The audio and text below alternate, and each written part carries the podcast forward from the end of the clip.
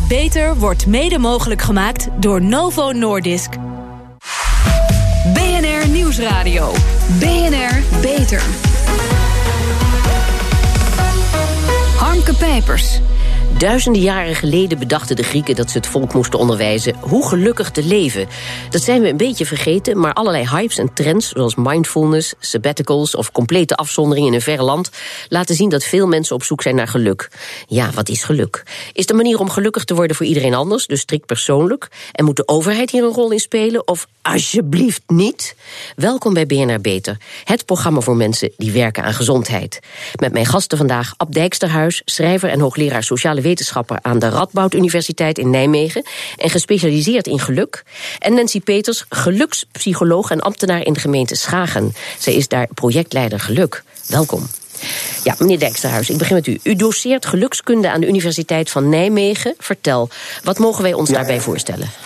Van alles. We, uh, we, leren mensen wat ze met hun geld moeten doen, wat ze met hun vrije tijd moeten doen. Uh, we leren ze over het belang van sociale contacten voor geluk. We leggen ze uit wat mindfulness en meditatie met mensen kan doen. Het is een, uh, het is een flinke cursus ook, waar verschillende wetenschappen aan deelnemen. Ja. Het is vrij veel. Maar gelukskunde, dat heet dus nu. Sinds wanneer hebben we dat in Nederland? Of, of hadden we het al, maar noemen we het alleen anders? Uh, ik weet niet sinds wanneer we dat hebben. Wij doen het inmiddels een aantal jaren en we zijn niet meer de enige. Uh, ja. Nee, ik geloof niet dat het een, een, woord was wat in de jaren 60 of 70 op een curriculum te vinden was. Nee. Ik heb begrepen dat u de geluksprofessor wordt genoemd. Maar u bent de enige niet, want er zijn er meer van in Nederland. Waarin onderscheidt u zich van de collega geluksprofessoren? Nou, sowieso de echte geluksprofessor vind ik Ruud Veenhoven, want die doet al 40 jaar onderzoek naar geluk. Mm -hmm. uh, maar goed, ze noemen mij inderdaad ook zo, waarin ik me onderscheid. Nou ja, ik heb een populair wetenschappelijk boek geschreven over geluk, dat door veel mensen gelezen is. En dat hebben de anderen niet gedaan. Ah ja. Misschien, ja. dat, dat, misschien dat dat belangrijk is. Ja. Geluk is uw onderwerp en het is een kwestie van geluk geweest, heb ik begrepen, dat u dat onderwerp heeft ontdekt. Want op de middelbare school was het een puinhoop. Nou ja, uh, acht jaar erover gedaan. Uh, en volstrekt onhandelbaar ondertussen. Twee keer blijven zitten, vervolgens psychologie gaan studeren omdat je toch iets moest. En toen, nou vertel zelf verder.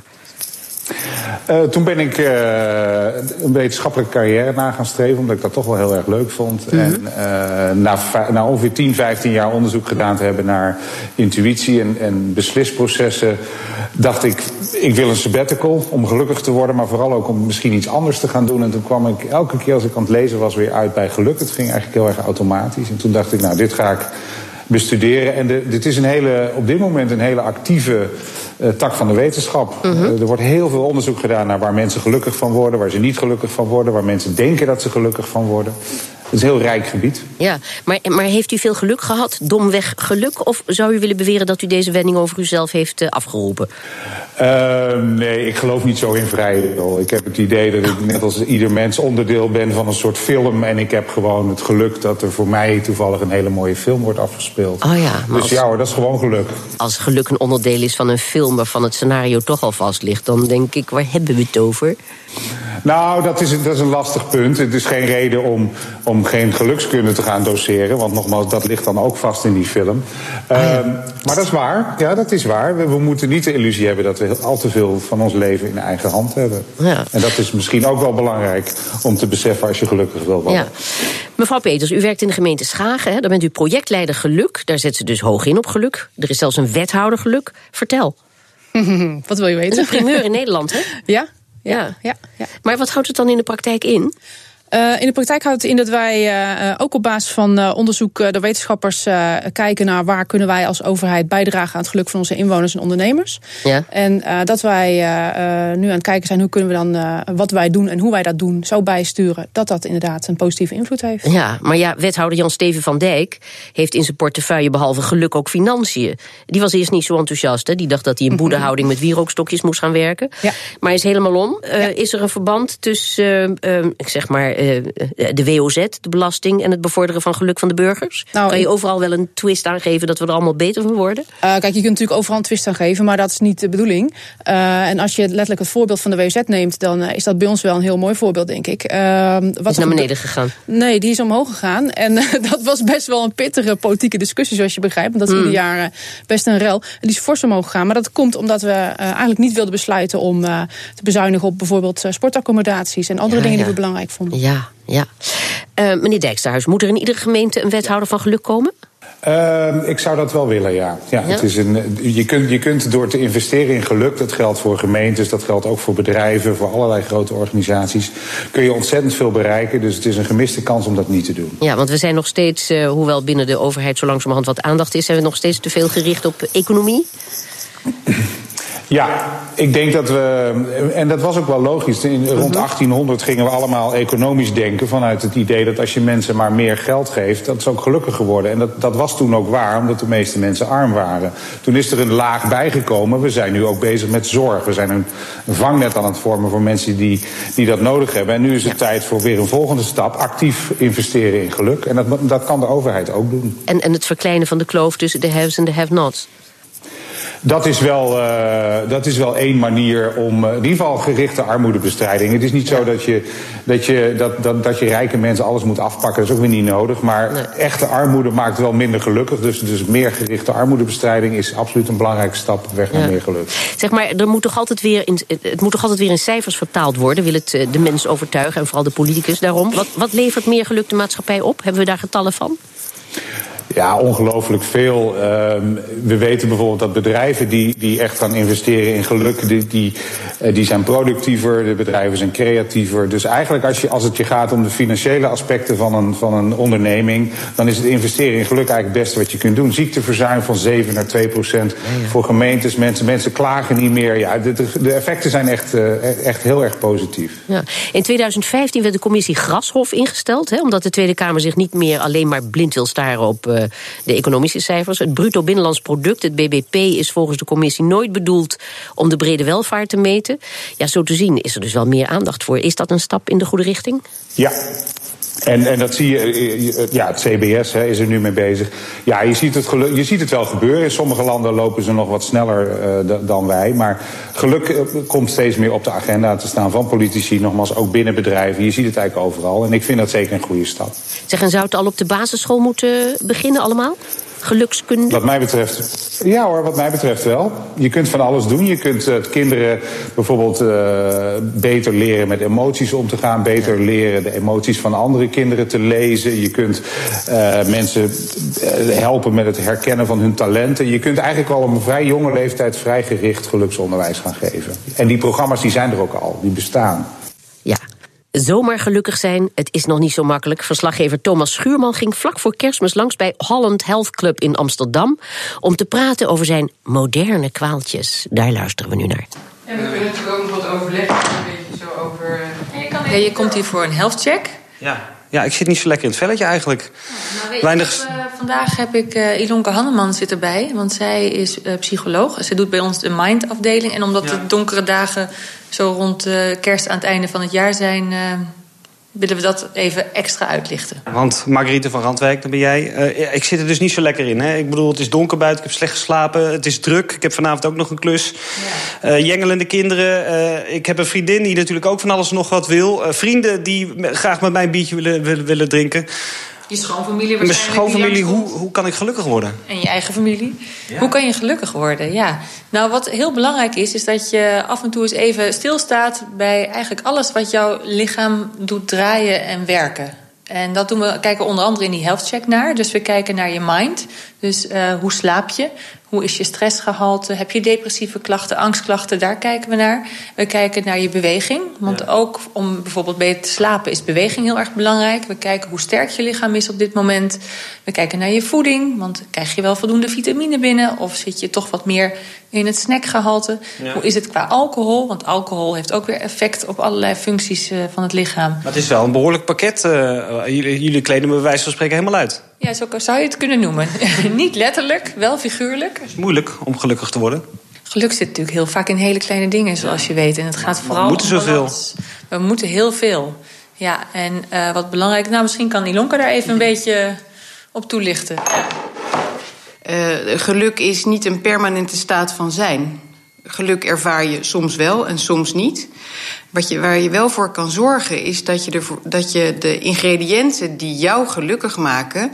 zoveel mogelijk naar voren krijgt in je leven. Ja. Dat moeten, dat staat zo centraal in ons leven. We moeten van alles. Ja. En uh, doordat je zegt dat je dingen moet... zet je jezelf eigenlijk al in een val. Want op het moment dat iets dat je van jezelf moet niet lukt, faal je direct. Ja. En falen heeft eigenlijk nog nooit bijgedragen aan het gevoel van geluk. Niet direct in ieder geval. En nu komen de feestdagen eraan, hè? Voor heel veel mensen, ja, top het van gezellige. Iedereen is er lekker eten, nou, noem het maar. Maar ook voor heel veel mensen toch ook een soort van crime, een druk. Hoe ga je daarmee om? Het belangrijkste is om goed te plannen. En niet iedereen kan dat, maar je kan het elk jaar weer proberen. Om... Dat ga ik heel vervelend doen. Ik heb echt een bloedhekel aan plannen. Ik, eh, ik laat het me het liefste overkomen. Dat herken ik heel erg. En toch helpt het om het af en toe eens te proberen. En als je niet plant, dan moet je het ook inderdaad, net wat Ilonka zegt... niet te veel van jezelf moeten en het lekker over je heen laten komen. Als jij je bewust bent van het feit dat het jou stress geeft... om zo'n hele dag vast te zitten dan is dat dus iets om te bespreken. En is dat iets wat je met je partner of met je familie uh, af moet stemmen. Ja, dat zei Margriet van Randwijk. Dat plannen moet je dus afstemmen, maar daar heeft onze verslaggever Thomas Schuurman niet zo'n zin in. Ja, mevrouw Peters, heeft plannen zin als je gelukkig wil worden? Nou ja, uh, ik denk dat je het dubbele net al in de rapportage hoorde. Uh, aan de ene kant kan plannen je heel veel stress geven omdat je weet dat je vastzit. En aan de andere kant kan het je ook helpen om nou ja, iets te doen waar je blij van wordt. Waardoor worden we gelukkig? Is dat door familie, vrienden of door een zorgvuldig geplande reis naar Oeganda? Hoort u meer over na de reclame. BNR Nieuwsradio. BNR Beter. Geluk is een combinatie van tevredenheid, gemoedsrust en de afwezigheid van zorgen. Volgens de Dalai Lama, om er iemand te noemen, is geluk een kwestie van hoe we onze situatie waarnemen en hoe tevreden we zijn. De westerse wereld raakt steeds meer doordrongen van mindfulness, geïnspireerd door oosterse denkwijze. Maar zijn er ook nog andere praktische adviezen waardoor we gelukkiger kunnen worden? Daarover praat ik verder met Ab Dijksterhuis, schrijver en hoogleraar geluk aan de Radboud Universiteit in Nijmegen. En Nancy Peters, gelukspsycholoog en ambtenaar in de gemeente Schagen. Ja, projectleider geluk. Meneer Dijksterhuis, veel mensen zijn wat sceptisch over spirituele leiders, zoals ik al noemde, de Dalai Lama. Maar er is ondertussen wel een hype ontstaan in het vinden van geluk met behulp van bijvoorbeeld mindfulness. Het Radboud eh, UMC heeft een centrum voor mindfulness, waar trainingen worden gegeven aan patiënten, maar ook aan medici. Zoals bijvoorbeeld de cursus Mindful Leiding geven voor medici. Ja, volgens Hanne Verwij, die uh, hierop promoveerde, zou mindfulness burn-outs onder jonge artsen kunnen voorkomen. Vertel, wat zegt de wetenschap over meditatie en mindfulness? Uh, de wetenschap zegt daarover dat het wel helpt. Het, het, het, bevordert de gemoedsrust. Het is over het algemeen een, een, goed iets om te doen. Maar het, staat nog wel, het onderzoek staat nog redelijk in de kinderschoenen. Dus je moet het ook niet overdrijven. Wat we nu zien is dat veel onderzoek laat zien. Eh, je kunt het vergelijken met aspirine. Je geeft duizend mensen aspirine. En dan laat je zien dat de gemiddelde hoofdpijn omlaag gaat. Maar we, weten, we weten dat 950 van die mensen. die hadden al helemaal geen hoofdpijn. Uh, voordat het experiment begon. Nou, dat is met mindfulness ook een beetje zo. We mhm. weten inmiddels best dat het positieve effect heeft. Maar voor wie en of dat echt wel voor iedereen is, dat is iets wat we de komende tien jaar goed moeten uitzoeken. Ja, maar en mediteert u, of voor het geval dat woord braakneigingen bij u oproept, doet u iets wat we mediteren zouden kunnen noemen? Uh, nee, ik heb wel een. Ik heb ooit puur uit interesse een soort inleidende zen-meditatiecursus gedaan. Dat is al een hele tijd geleden. En toen heb ik wel een tijdje gemediteerd. Maar nou ja, ik zeg wel eens lachend tegen vrienden die dat wel doen: van ik mediteer niet, want stel dat ik nou nog gelukkiger word. Dat vind ik veel te vermoeiend. Ja, dus- waarschijnlijk wel. Dit centrum in het uh, Radboud UMC is, is niet alleen voor geluk, hè, maar voorkomt stress en burn-out. Zijn er andere wetenschappelijke inzichten die uh, wat dat betreft waardevol gebleken zijn om het brein leeg te maken en stress te verminderen enzovoort? Ja, er zijn, zijn natuurlijk de, hele, de simpele klassieke voorbeelden. Op reis gaan, vakanties houden. Dat, dat is nog altijd de beste poetsvrouw om door je, dat is een beetje seksistisch, poetsman mag ook, om, je, om, je, hè, om dat brein inderdaad weer, weer leeg te maken en, en op te laden voor wat daarna komt. Daar kom ik zo op. Eh, ik ga even naar mevrouw Peters, want u heeft een boek geschreven, Het Geheim van Geluk. Niet voor niets gebruikt u het woord geheim in de titel. Hè. U geeft tips om gelukkiger te worden, u ontsluiert het geheim. Maar vertel even, kort, uh, wat, zou je... Het moet, moet gaan leiden tot een sneeuwbaleffect en dat is geluk. Wat, wat zou je kunnen doen? Wat moeten we er allemaal voor doen? Nou, om te beginnen is het belangrijk dat je iets doet wat bij je past. Uh, zoals Appel zegt, uh, en zoals we net in de rapportage ook hoorden... het een past wel bij de een, het ander niet mhm. bij de ander. Uh, maar uh, je zou bijvoorbeeld kunnen denken aan het versterken van je relaties... of meer dingen doen waar je energie van krijgt. sommige mensen ervaren meer geluk als zij dankbaar zijn. En het kan soms ook heel goed werken om iets voor iemand anders te doen. Ja. U geeft ook workshops aan bedrijven. Hè? Ja. Wat hoort u daarvan terug? Wat voor effect heeft dat op die bedrijven? Uh, mensen vinden het vaak heel erg uh, gaaf om te doen. En zijn heel positief. En blijken ook achteraf nog wel echt wel, wel daar wat mee te doen. Dus dat is wel een, mooie steen in de vijver die je dan kan gooien. Ja, en heeft het ook zakelijk gezien resultaat? hangen die bedrijven daar nog wel eens een bedragje aan? Van het scheelt in ziekteverzuim of weet ik veel wat? nou, niet dat ze met mij communiceren. Ja, dat zou, je, zou je natuurlijk wel leuk vinden. Och ja. ja. In uw boek heeft u het over een vijf-stappenplan. Wat raadt u ons, de doorsnee gelukzoekers, zou ik maar zeggen, wat raadt u ons aan? Nou, ik noemde net al een aantal dingen waar je gelukkig van zou kunnen worden. Maar doe vooral wat bij je past. Hè. Uh, en kijk of je daar een gewoonte van zou kunnen maken. Bijvoorbeeld, uh, vind je het misschien leuk om uh, iets te doen voor iemand anders? Nou, -hmm. maak daar dan een gewoonte van. Ja. vind je het fijn om goede vriendschappen en contacten te hebben? Haal je daar veel energie uit? Zorg dan dat je daar voor jezelf een gewoonte in, in creëert. Oké. Okay. Meneer Dijksterhuis, uh, Nederland staat op de zesde plaats in de lijst van de gelukkigste landen ter wereld. Dat staat in het World Happiness Report uit 2017. De Nooren zijn het gelukkigst. Bent u al in Noorwegen geweest om daar kennis van te nemen? Uh, ik ben wel eens in Noorwegen geweest, maar niet sinds de nieuwe lijst uit is gekomen. Oh ja, maar uh, heeft u daar toch iets gezien waarvan u denkt dat, dat doen ze daar beter dan in Nederland? Nou, laten, laten we vooropstellen dat de verschillen tussen die, uh, tussen die nou pakweg top 10 landen, is, die verschillen zijn niet zo groot. Mm -hmm. uh, wat, wat sommige Scandinavië. Denemarken heeft heel lang op één gestaan, staan nu volgens mij op twee, nu staat Noorwegen op één. Wat ze in ieder geval heel goed doen is, uh, en dat gaat in Nederland nu ook beter, zijn die ouderschaps- en vaderschapsverloven en zo op het moment dat er een kind geboren wordt. Sabbaticals, mensen een tijd lang de vrijheid geven om wat anders te doen, blijkt ontzettend belangrijk te zijn. Ja. En voor de rest, en dat is ook geen toeval zie je dat de, de kwaliteit van de overheid. Uh, als het gaat tussen verschillen, tussen, verschillen in, in geluk tussen landen, als je die wilt, wilt verklaren, de kwaliteit van de overheid is ontzettend belangrijk. En dat, dat, doen, dat doen wij in Nederland. Wij mopperen wel op onze overheid, mm. maar dat is eigenlijk onzin, want ze doen, ze doen het hartstikke goed in Den Haag. Ja. Nou, de Noren doen dat eigenlijk nog net ietsje beter. Ja. Het is gewoon een hele dat, goede overheid. Dat zwangerschapsverlof voor die mannen, hè? Dat, dat, uh, daar gaan we nog eens een keer lekker uh, over praten in, uh, in dit programma. Want mannen die moeten dat zwangerschapsverlof ja. ook hebben, dan vormen ze oxytocine en dan worden ze ook aardiger in hun werk en, enzovoort. Zou er iets in zitten? Uh, daar zou, best iets, er zou best iets in kunnen zitten. Ja, ik denk dat de voordelen voor mannen om er een tijdje uit te gaan... Dat, die, dat, dat dat meerdere voordelen zijn... en dat die echt niet allemaal met het hormoon oxytocine te maken hebben. Nee. Je, je, komt ook gewoon tot rust, je wordt creatiever... Dat als je gewoon een tijdje wat anders doet. Maar het, het, het blijkt gewoon wel dat het, dat het hele uh, heilzame effecten heeft. Oostenrijk is er een paar jaar geleden mee begonnen... met, met mm -hmm. echt een veel ruimere... Uh, veel ruimere verloven. En die zijn op die gelukslijst ook in één keer die, die top 10 binnengestuiterd, als, Nou. ik het, als ik het uh, goed heb gelezen. Dus dat, ja, dat, dat, uh, en je kunt niet helemaal zeggen dat het alleen daardoor komt natuurlijk. Maar dat soort dingen zijn wel echt heel erg goed. Ja. Sabbaticals, mensen andere dingen laten doen, ja. Oké. Okay. Ja, uw geluksgewoonte is dus reizen. U begon er al over. U bent er heel stellig in, hè? Want de titel van een van uw boeken luidt... Wie niet reist is gek, waarbij niet tussen haakjes staat. Dus gek ben je altijd. Maar vertel, wat doet reizen met u? Iets, wat, wat verdient navolging?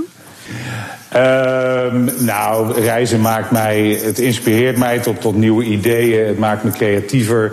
Uh, het, het, uh, het, het zorgt ook nog voor allerlei prachtige herinneringen. Een van de mooie dingen van reizen is dat, dat het ons een prachtige illusie voorspiegelt eigenlijk. Uh, kijk, als je 16 uur opgevouwen in een bus zit, dan is dat helemaal niet leuk. Maar op het moment dat je aankomt in een of ander bergdorp, dan, dan op dat moment dan kijk je er al op terug alsof het een of andere fantastische, heroïsche ervaring is. En daarom uh, zorgt reizen vaak voor een, uh, voor een geluksgevoel. Zeker achteraf. Ja, maar we ja. weten maar wel, ik heb begrepen is dat vrij, het... vrij helder. Als je...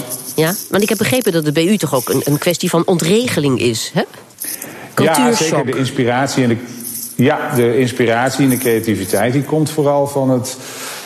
Uh, ja, van het je, je, je, hele, je referentiekader omgooien. Dus, Ja. uh, dus, dus hè, loop een uur door Calcutta en, uh, en je krijgt zoveel prikkels en zoveel nieuwe indrukken. Voor mij zijn die heel erg belangrijk. Om te Ja. schrijven, om na te denken, om nieuwe, nieuwe dingen te verzinnen. Ja. Ja, u vertrekt binnenkort naar Oeganda. Hè? Ja, de eenvoudige, wat minder veel eisende gelukzoeker... die zal wellicht denken, wat een armoe.